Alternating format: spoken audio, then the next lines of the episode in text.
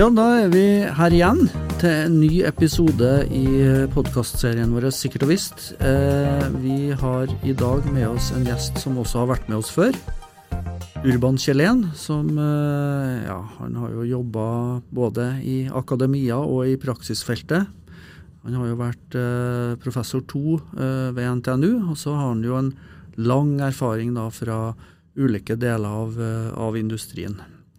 Temaet i dag er en, ja, si en sånn videreføring av et tema vi har hatt tidligere, nemlig indikatorer. Stemmer ikke Eirik? Ja, og et videreføring av et annet tema vi har hatt nettopp på, med energi-barrieretenkning. Så temaet i dag er det vi kaller for barriereindikatoren. Og her har Urban som professor to ved NTNU deltatt i forskningsaktivitet i et forskningsprosjekt som vi har hatt gående sedan 2018 om forutseende sikkerhetsindikatorer av bygg- og anleggsnæringa, som har vært finansiert av Prosjekt Norge og Regionalt verneombudsfond.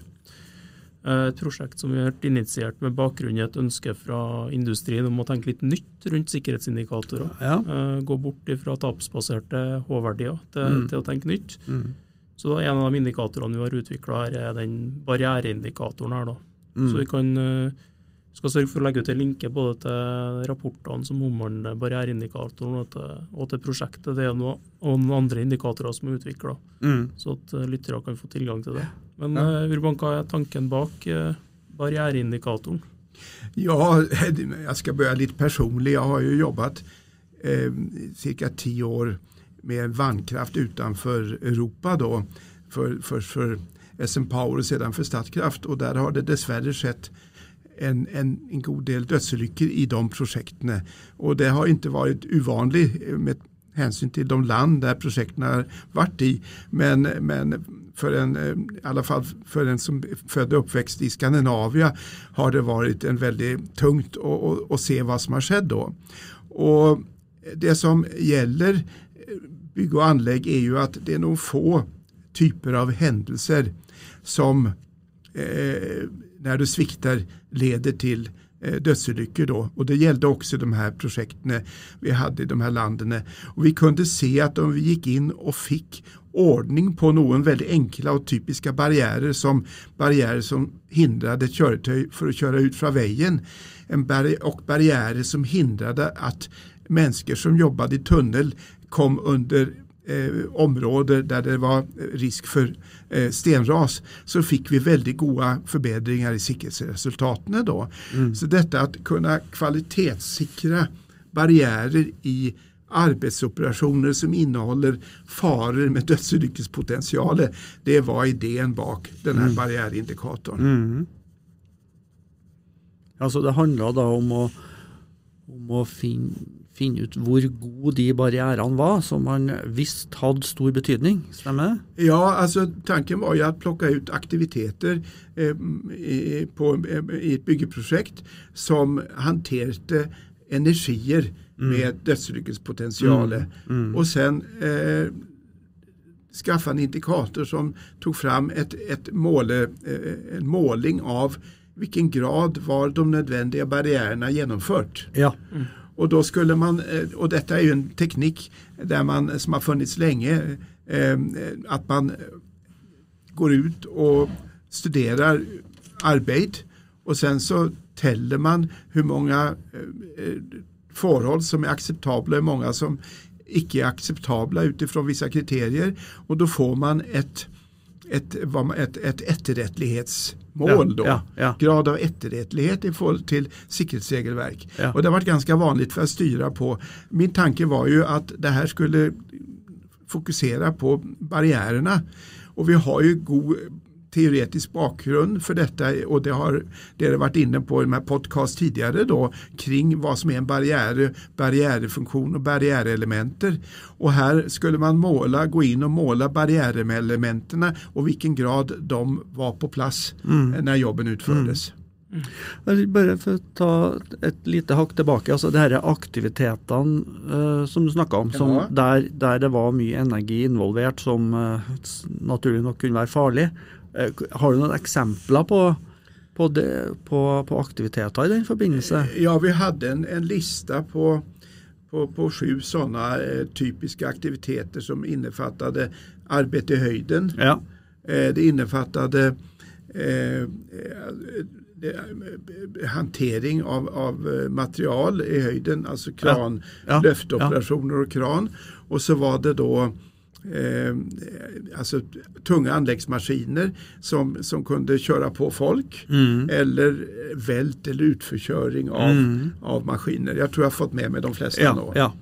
Eh, vi hade inte med elektriska händelser heller inte med, med eh, sprängningsolyckor därför att eh, de i de åren när jag studerade statistiken för det här, det var från 2011 till 2016, då var det, det fanns sådana händelser men det var enstaka händelser. Det här som jag nämnde nå svarade för två tredjedelar av dödsolyckorna i näringen ja. under de fem åren. Ja. Då. Ja. Men det är ingenting som hindrar att man brukar index på, på andra händelser också men då måste man ut, utveckla checklistor för det. Ja, Då kan du säga lite om hur vi har ja. jobbat för att utveckla checklistor och indikatorer för, för de sju händelserna. Då. Ja absolut, alltså det startade ju med eh, att jag fick god hjälp av Stig Winge på arbetstillsynet och få fram statistik eh, som, som då eh, jag analyserade baserat på vilka typer faror det var och eh, hade då de här barriärmodellen för, som det har gått igenom tidigare. Och där regelverket var väldigt viktigt men också interna regelverk för, för de sällskap vi såg på här. Men då kan du si, alltså, ja. Vi identifierat det vi kallat för barriärfunktioner tidigare, ja. alltså som är uppgifter som ska mm. uh, gripa in i ett energi eller händelseslöp då, med energi. Uh, och så har vi brutit ner de funktionerna i det vi kallar för barriärelement som är det som realiserar de barriärfunktionerna. Mm. Erik han var en av mina allra bästa studenter. tack, tack, för idag. Eh, nej men det är riktigt Erik, eh, absolut jag hoppar lite fort här. Alltså att vi har ju de teorierna som, som vi var inne på. Så har vi en, en barriär och har en barriärfunktion. Och så typiskt om vi då tar ett väldigt konkret exempel med, med en gravmaskin då. Eh, så är ju så att, att för att en, en en person, en gröfteman ska skadas vid arbete samman med en, en gravmaskin så, är, så ska ju dels gravmaskinföraren mista kontrollen över gravmaskinen och att personen i fråga, gröftemannen, står i farezonen då. Mm. Och barriärfunktionerna är ju här att förhindra tap av kontroll av, av, av, av eh, bevägliga delar i, i eh, gravmaskinen, speciellt skuffen då och att personen befinner sig utanför farezonen för mm. maskinen. Då. Mm. Och sen ser vi på vad som ska till för att för exempel skuffen icke ska falla ner. Då. Mm. Och då har vi ju både eh, tekniska krav där om, om fältsäkerhet och, och, och andra ting omkring eh, man kan sikra eh, man kan sikra skuffen extra med, med en krok eller med, med en, en, en koppling. Och sen att man faktiskt brukar skuffen eller brukar gravmaskin på riktig måte och att man brukar den samman med skuff som ett godkänt för maskinen och att, att eh, kranföraren eller eh, gravmaskinföraren sikrar att skuffen faktiskt sitter på plats för han begynner och brukar den.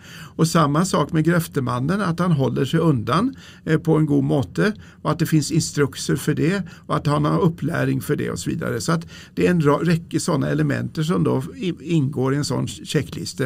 Mm. Och sen eh, när man då eh, brukar den så, så startar det ju med att man plockar ut de aktiviteter som, som är kritiska här och så väljer de checklistor som är aktuella och på förhand så samlar man in en del dokumentation om eh, Men de eh, checklistorna då, de gjenspeiler de barriärelementene sånn som man identifiserer ja. menneskelig, teknologisk eller eh, organisatorisk. Og så ut, ble det utvikla sjekklister for alle de sju hendelsene her, og de er jo ikke like. De sju sjekklistene det er sju Stemmer, forskjellige. Ja. Kan du si litt om altså, Det er en ting at du, jeg og du og Trond sitter her nå og peker på at de elementene skulle ha vært på plass for uh, barrierefunksjonene, men, men, vi jobba jo ikke isolert, vi. Det var jo andre folk som var involvert i, i Ja, det är riktigt det. Alltså, det började ju med den här olycksstatistiken då, och sen plocka ut de här händelserna och de barriärerna. Det gjordes med en sån så kallad som, mm. som är en viss teknik då. Mm. Men i nästa trin så hade vi ju både samtal och möten med, med den regionala värnombuden. Mm. Och vi hade också ett, ett väldigt gott samarbete med, med eh, med eh, Statens vägväsen i Kongsberg där man hade stora, stora anläggningsprojekter. Och vi hade också samarbete med Stadsbygg i den fasen. Mm. Eh, eh, bland annat ute på Ås då, där vi gick igenom de här checklistorna och, och fick de kommentarer och vasket dem. Och sen startade en utprövning som var mer än intressant och där vi gick ut. Jag gick ut tillsammans med en, en, en eh, SOA-rådgivare i, i Statens vägväsen och, och jobbade och han genomförde det här och vi diskuterade resultatet.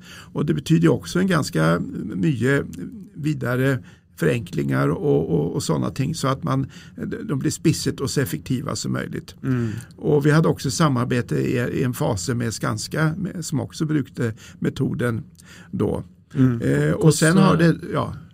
Eh, hur ser en sån checklista ut? Ja, checklistan är ju då Eh, eh, den är för vär, vär eh, fare eh, av de som vi nämnde här, för exempel eh, fall från höjden. Det, eh, där, var, eh, där var det då, eh, gick det igenom eh, med de här MTO-tänkingen då att man startade med att teknisk utstyr var på plats och att människor var på plats, alltså att de, allting var i orden. Det både eh, att människorna hade riktiga kvalifikationerna och, och erfaringen och att man hade den riktiga bemanningen och att man hade tekniskt utstyr som var godkänt och certifierat och så vidare. Då. Och sen gick det in på, på eh, hur det var genomfört i praxis. Då att det inte var någon svikt i, i hur barriärerna eh, var satt samman eller hur skuffen, och, för att ta det skuffen och eh, gravmaskinen hörde samman då i själva den arbetsutförelse som vi då studerade. Mm. Så det gick ju både och gick igenom förutsättningarna för aktiviteten och själva aktiviteten. Mm. Mm. Spørsmålet det, är tanken att den här typen checklista brukas eh, rätt för en jobb för exempel eller är det tänkt mer sån som en sån mer överordnad genomgång av eh, kan du säga barriärstyrninga? Det är ett väldigt gott spörsmål för det här har utvecklats underveis. Ja. Eh, vi startade med, min tanke var ju upprinnelig att det här skulle vara en spotcheck när man gick ut ja. Eh, och plockade jobb för jobb och när de under utföring av jobben helt mm. enkelt så gick man och, och bad att få en paus. Först studerade man jobben när, och, så, och, hur den gick till och sen stoppade, så hade man lov att stoppa jobben och, och gick och snackade med utförande då mm. och gick igenom dokumentation och sånt och sen gick man tillbaka till anläggskontoret och, och, och följde upp med en del dokumentkontroll och så. Eh, men sen så har det visat sig att det här är väldigt många av de, eller flera av de ting, funden som blir gjort, de kunde ha rättats upp om den här genomgången hade gjorts tidigare då. Ja. Och då var det speciellt i den här rullande tvåveckorsplanen eller kanske också ja, vad det nu kan vara i, i det aktuella byggeprojektet att när den här eh, jobben kommer upp och planläggs då kan man ta en sån genomgång av kritiska jobber att mm. ting är på plats. Och sen kan man ta en ytterligare check lika för uppstart då ja. att det faktiskt är gjort. Och då ska, man inte, då ska det vara 100 procent måluppfyllelse mm. i själva utförelsen då, då har man ju nått väldigt långt då. Mm, mm. Och sen tog vi det här vidare och såg att en del av det här var ju typiska allvarliga eh, risiko som, som kunde för exempel stå i SOA-planen. Mm. Och då var det naturligt att man kanske till och med under projektering tog upp en del av de här risiko och att man hade en god, det man inte lyckades lösa och helt enkelt designa bort under projektering. Där kunde man sörja för att att entreprenören fick klarhet över de farorna och vilka förväntningar till barriärer som fanns i, i kontrakten då, mm. eller i tillbudet. Mm. Invitation till tillbud och sen att man i kontrakten kunde avtala med entreprenören om hur det här skulle lösas. Ja. Och sen ha en uppföljning vidare in i genomföring av projektet. Ja. Och då har man ju en, en väldigt luckigt slöjfe för då har man ju tagit med sig erfarenheter eh, från begynnelsen till genomföring av projektet och ta med det vidare sen i nästa projekt då eh, genom eh, de, de systemen som både byggherren och entreprenören har för erfaringsöverföring. Då. Mm. Och där kan man ju få väldigt goda resultat mm. på säkerhet om man lyckas med det. Ja. Mm. Ja, det är väldigt intressant. Jag tänker, Tittelen er jo 'Forutseende eh, sikkerhetsindikatorer'. Og altså, Det jeg gjerne forbinder med indikatorer, det er jo at man får måte, et sånn tallmessig uttrykk på for et eller annet. Mm. Eh, er det det samme her? Altså at man får Får man et tall fra 0 til 10 eller 1 til 100 eller eh, Hvordan er det sånn konkret bygd opp? Det är byggt upp som procent ja. Eh, tillfredsställelse då. Och det är en väldigt enkel matematik att man, alla de barriärelementen man studerar då, de, de, de, de värderar man likt. Ja. Man väktar inte och så har man antalet barriärelement som man har kontrollerat och antalet de som tillfredsställer kraven. Eh, eh, och då får man fram en procent kravtillfredsställelse då. Ja. Och, och, det blir ju ett mål och om du gör det här eh, två veckor för du startar ett jobb så är det ju förutseende. Mm. Eh, och du hinner också och, och, och, och korrigera och, och, se till att det, det är okej okay när man startar då. Ja.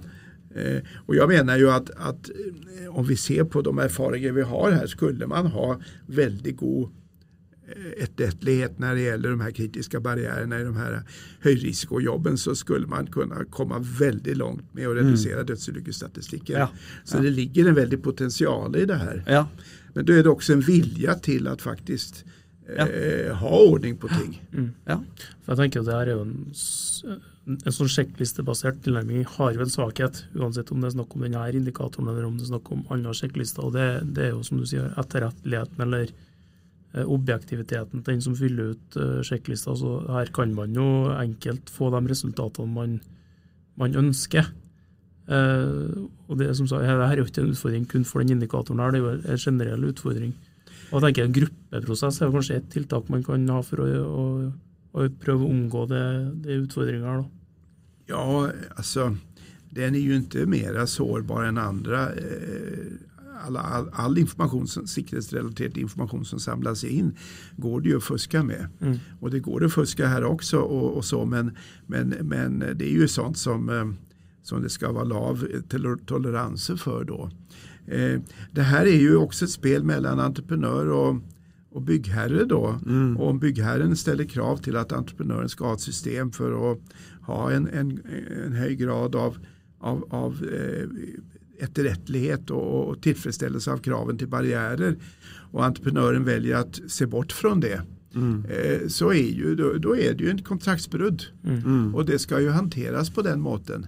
Och, och, det är klart att det, det, gör ju inte, det är också illa för renommen till entreprenören. Så att, så att man får ju bara utgå ifrån att här finns det självkorrigerande mm. mekanismer då för det. Mm. Men så er noen av de eh, sjekkpunktene i sjekklista er vel egentlig å kontrollere om dokumentasjonen er på plass eller ikke. Og, og det er jo litt mer objektivt enn ja, en de observasjonsbaserte sjekkpunktene. Ja, det är ju alltså, det är ju hög grad av Alltså om flera personer utför samma kontroll så ska man i stort sett komma till samma resultat här. Mm. Det är som du levererar in bilen eh, på en sån EU-inspektion eh, då. Eh, det är ju inte någon synsing det utan det är ju vissa, vissa kriterier som ska vara uppfyllt. Mm. Och det gäller, det gäller här också. Altså, det virker jo solid i den forstand at det, det er jo bygd på erfaringskunnskap og og delvis på statistikk. ikke sant? Og så er det jo så er det også et spørsmål om validering av denne type indikatorer. da, og Det er jo sikkert flere måter man kan gjøre det på. Eh, det ene kan jo kanskje være å snakke med dem som har brukt den, og, og innhente erfaringer med bruken. Og få inn vurderinger av om det her fører til forbedring. Eh, og det er jo ofte der man havner, kanskje. Eh, man kommer vel veldig sjelden til det punktet at man f.eks. prøver ut det her Eh, i én type bedrifter, men ikke i en eh, annen gruppe bedrifter, og på en måte sammenligne resultat. Da er man jo borti etiske aspekt også. Eh, men jeg vet ikke hva du, du, tenker Urban, rundt hvordan man på en måte kan finne ut om det her er en god måte å gjøre det på? Ja, altså som jeg innledet med å si at vi så jo veldig väldigt klara effekter av att få vissa barriärer på plats. Mm. Både när det gäller transport och när det gäller eh, tunneldrivning. Då. Mm. Eh, och, och, eh, jag vill ju påstå att själva grundlaget för checklistorna, nämligen de barriärer som, eh, som, eh, som man ställer krav till där, är ju det är väldigt mycket baserat på regelverket det. Ja. Eh, och det är ju ting som är, anses, generellt anses förnuftiga och, och det må till för att jobba säkert. Mm. Och det bygger också på maskinföreskrifter som i sin tur bygger på, på en sån ganska systematisk barriärtänking när det gäller maskinsäkerhet och så vidare. Då. Mm. Så att där tror jag inte det är mycket att hämta med en sån validering. För eh, vad du säger är ju att om man inte gör det som förväntas i förhållande till resultaten av barriärindikatorn Mm. så är det en ledelsesak då. Mm. Och, och det är klart att det kommer ju eh, variera naturligtvis. Mm. För ett rättlighetskulturen varierar ju en del. Mm. Eh, Om man ser offshore där, där eh, som heter min uppfattning, man har kommit väldigt långt med att få en, en god rättighetskultur. Där ser man ju också när man brukar tillsvarande verktyg att man får väldigt goda resultat. Ja. Men, men det kan ju vara mer varierat i landindustri då. Ja. Mm. Men du sa jo um, den er jo testa ut og brukt av bl.a. Statens uh, vegvesen. Hvilke erfaringer har de fortalt om at det er bruk? Eh, Ja, de har eh, de, de fortsätter ju med, med det här. Mm. Eh, och, och som, han, som de säger, vi har, vi har stor tro på det här. Eh, och jag har ju varit där och haft en del undervisning också för dem. Nu har jag inte följt upp och, och, och synat dem i korten så jag har, har inte sett i vilken grad det faktiskt har skett då. Mm. Men det är ju bara att vända sig till dem och, och, och höra vad de menar och, hur de Mm. tar det här i bruk. Mm. Eh, Men det, det, det som i bygg och anlägg, man, man sliter ju en del med, det är ju ansvarsfördelningen mellan parterna då. Och eh, jag är ju vant från offshore där det är operatören som har totalansvaret och myndigheterna går på operatören. Bildet är ju mycket mer splittet här. Mm. Och det är ju inte säkert att en byggherre uppfattar som att, att man ska ha ansvar fullt ut för att alla led av entreprenörerna eh, faktiskt Mm. jobbar efterrättligt då. Mm. Det, är ju, det är ju en del variationer där då. Mm. Eh, och det, syns jag är en ganska viktig poäng då som gör att, att ju, ju eh, ska se vår, vår, om man ser på offshore så är ju ansvarsförhållen väldigt tydliga och klara med, med operatören som överordnat ansvarig då. Och så har han ju eh, entreprenörer som jobbar för sig och han, man har kontrakt och så styr man entreprenörerna med kontrakt då. Och då, då innefattar ju säkerhet och alla delar av säkerhet eh, i arbetsutförelse för, i kontrakten en, en del som också eh, beställaren, det vill säga byggherren, eh, har ansvar för att följa upp då. Medan eh, i, i bygg och anlägg på land är ju det inte så Mm. fullt ut. Ja. Tenker du at det er noen fallgruver i bruken av indikatoren? Alltså, man har en tillitskultur i, väldigt mycket. Så man är inte van att, att kontrollera. Man är inte van att bli kontrollerad. Eh, man stoler på folk. Och om man då säger att för att och det har ju med puckhjulet att göra som vi var inledde väl med här. Att, att eh, säger man att, att eh, kontroll är en del av, av för att uppnå kvalitet och detta är bara som man gör det så är inte det alltid eh, som det är upp, upptatt och accepterat. Mm. Och därför så, så kan det möta motstånd att, att man faktiskt inför kontrollregimer då av den typen här. Eh, eh, och, och, och speciellt eh, om, om det är en, en entreprenör som, under, som granskar en arbetsgivare, en, en del led ner i organisationen och så vidare. Då. Så att det är ju en, en fallgruve då som, som man kan rå- råka ut för. Och det andra fallgruben är ju där man uppträder som inspektör när man går ut och brukar barriärindikatorn.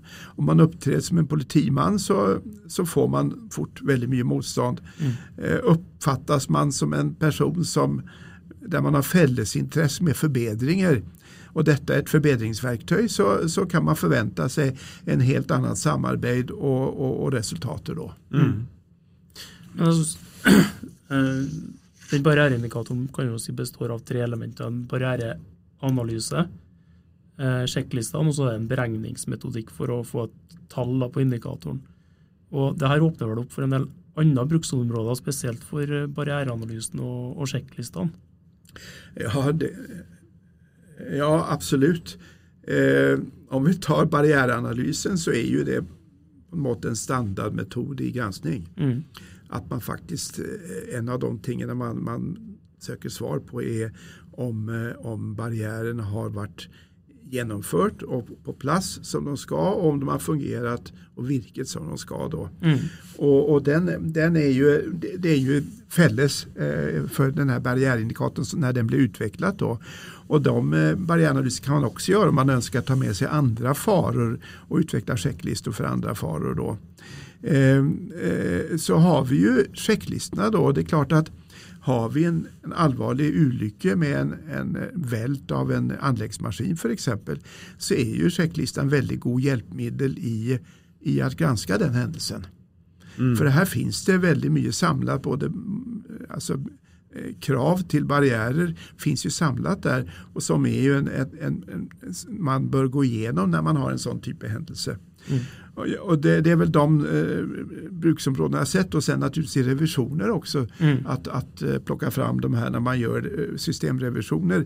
Och då går man ju längre när man gör en analys eh, med hjälp av barriärindikatorn för då försöker man också finna orsaker till varför barriärerna inte är på plats som de ska. Mm. Så därmed så ingår det här definitivt i det systematiska barriärstyrningen en virksomhet kan, kan ha. Mm. Både for input til hvilke barrierer må på plass, men òg input eller ett verktyg för att följa upp om barriärer är implementerade ja. eller inte.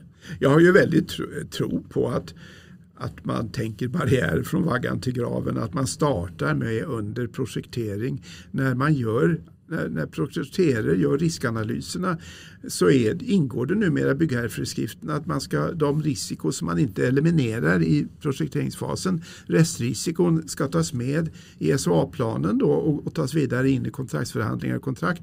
Om man då genomför sådana barriäranalyser i projekteringen så är det de, de tilltag som också det nya regelverket för byggherreföreskriften tar upp att man ska göra och att man då har eh, tankar om hur man ska förebygga det här från byggherrens sida. Och sen att man tar upp det i kontraktsförhandlingarna och blir eniga om hur jobben ska utföras när de är kritiska då. Och att detta tas vidare in i, i, i genomföringsfasen och att man då checkar ut att ting är på plats när man väl eh, startar upp jobben och så vidare. Mm. Så här har man ju en eh, väldigt elegant möjlighet att få en, en, en, en ganska goda processer och, och lyckas man med det här så tror jag man har ser väldigt goda resultat på säkerhet när det gäller allvarliga händelser. Mm.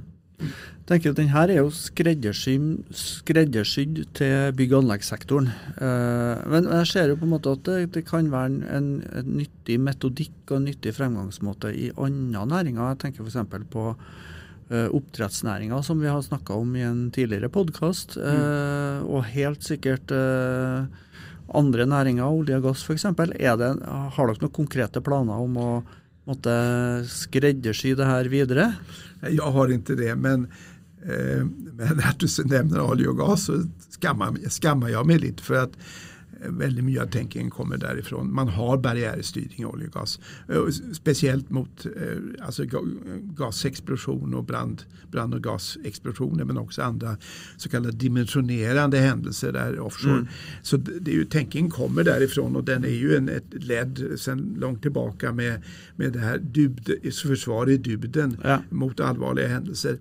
Eh, så jag tror inte eh, oljegas olja och gas nödvändigtvis har så mycket att lära men det gör ju också att det finns, man ser hur det praktiseras i andra sammanhang än bygg och anlägg på land. Då. Och, och helt klart att, att i alla verksamheter där man har risiko som kan leda till stor skada mm lantbruk för exempel, mm. eh, skogs, eh, skogsbruk mm. och så vidare. Mm. mm. Primärnäringarna och fiske då mm. är ju, är ju, finns det mycket att hämta i en sån här eh, metod och tänkemått. Ja. Nej, vi kommer ju att lägga ut eh, en link til eh, i hvert fall to rapporter som beskriver metodikken eh, mer i detalj. Så Ja, Da vil man jo se hvordan sjekklistene faktisk ser ut og i detalj. ja. Så det kan jo være noen som ønsker å ta tak i det og videreutvikle til en annen næring. Ja, da var vi gjennom eh, den nok en episode. Veldig interessant, Urban. Eh, så da tror jeg vi bare sier takk for oss. jeg. Ja, takk til Urban. Ja, tack själv, det har varit spännande. Ja, og ikke forhåndes. Ha det bra.